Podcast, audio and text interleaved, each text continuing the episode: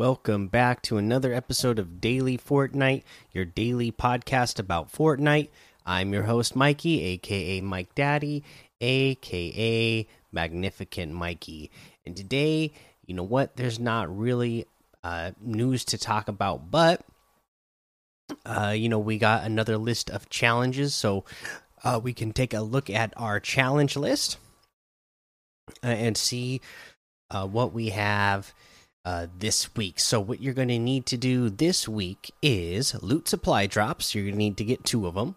You need to damage a saucer with a plot with a pilot inside, uh, 800 uh, damage in total.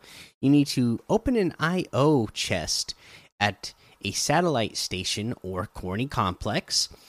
You will need to destroy computer equipment at satellite stations or corny complex. Three in total. You need to damage IO guards, 250. You need to el eliminate trespassers, two in total. And you need to deal damage with IO or alien weapons, 500 in total.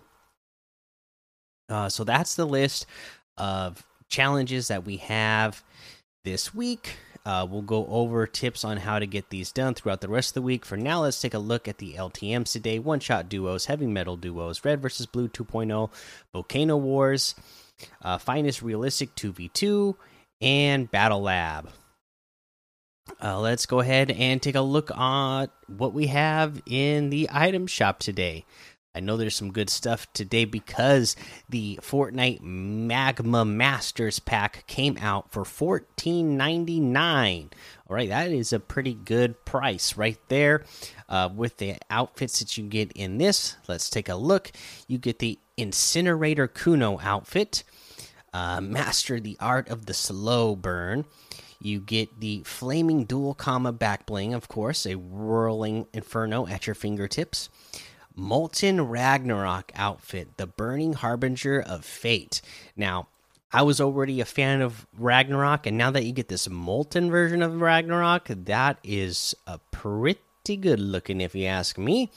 Uh, there's the Feathered Flames back bling, Rain Fire from the Skies. That is really cool.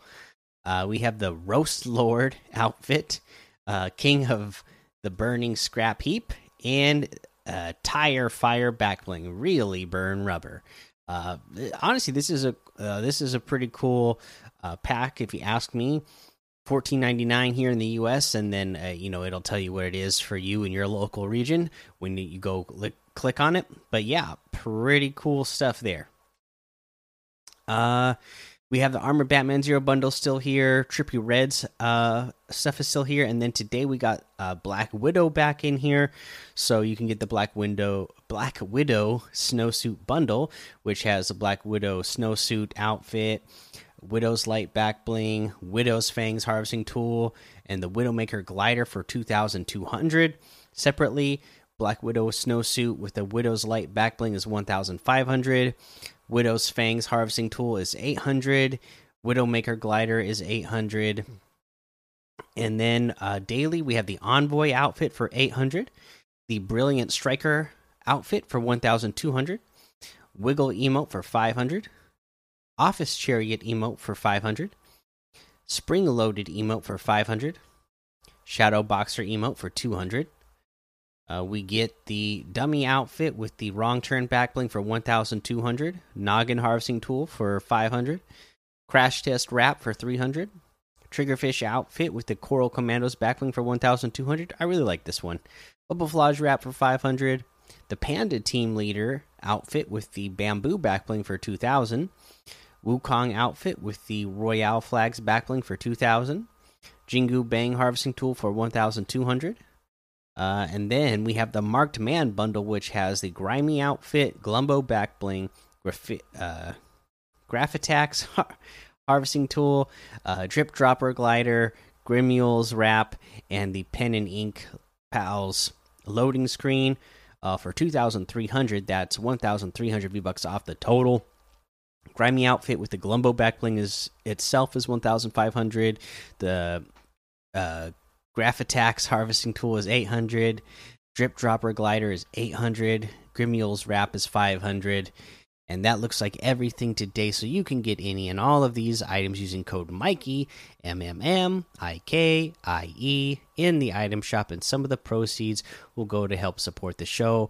For tip of the day, I don't know if we've really mentioned this, but you know, the, the railgun, it is a great way to just get into people's boxes really easily. So what you're going to do to get into somebody's box this season because uh, if you've noticed with the railgun it shoots through it'll break two builds.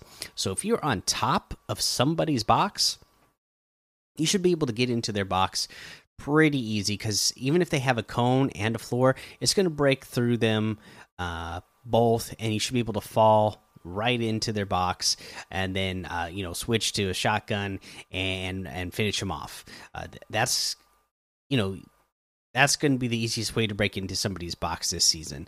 A lot of times, people, uh, you know, they're still not expecting it because it's just, you know, something that we haven't had uh, in Fortnite a weapon that will break through two builds at once. So, people aren't prepared and ready for that. So, you should be able to uh, catch a lot of people off guard with uh, the railgun this season. So, take advantage, it, advantage of it while we have it.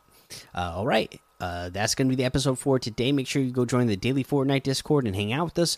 Follow me over on Twitch, Twitter, and YouTube. Head over to Apple Podcasts, give a five star rating and a written review for a shout out on the show. Make sure you subscribe so you don't miss an episode. And until next time, have fun, be safe, and don't get lost in the storm.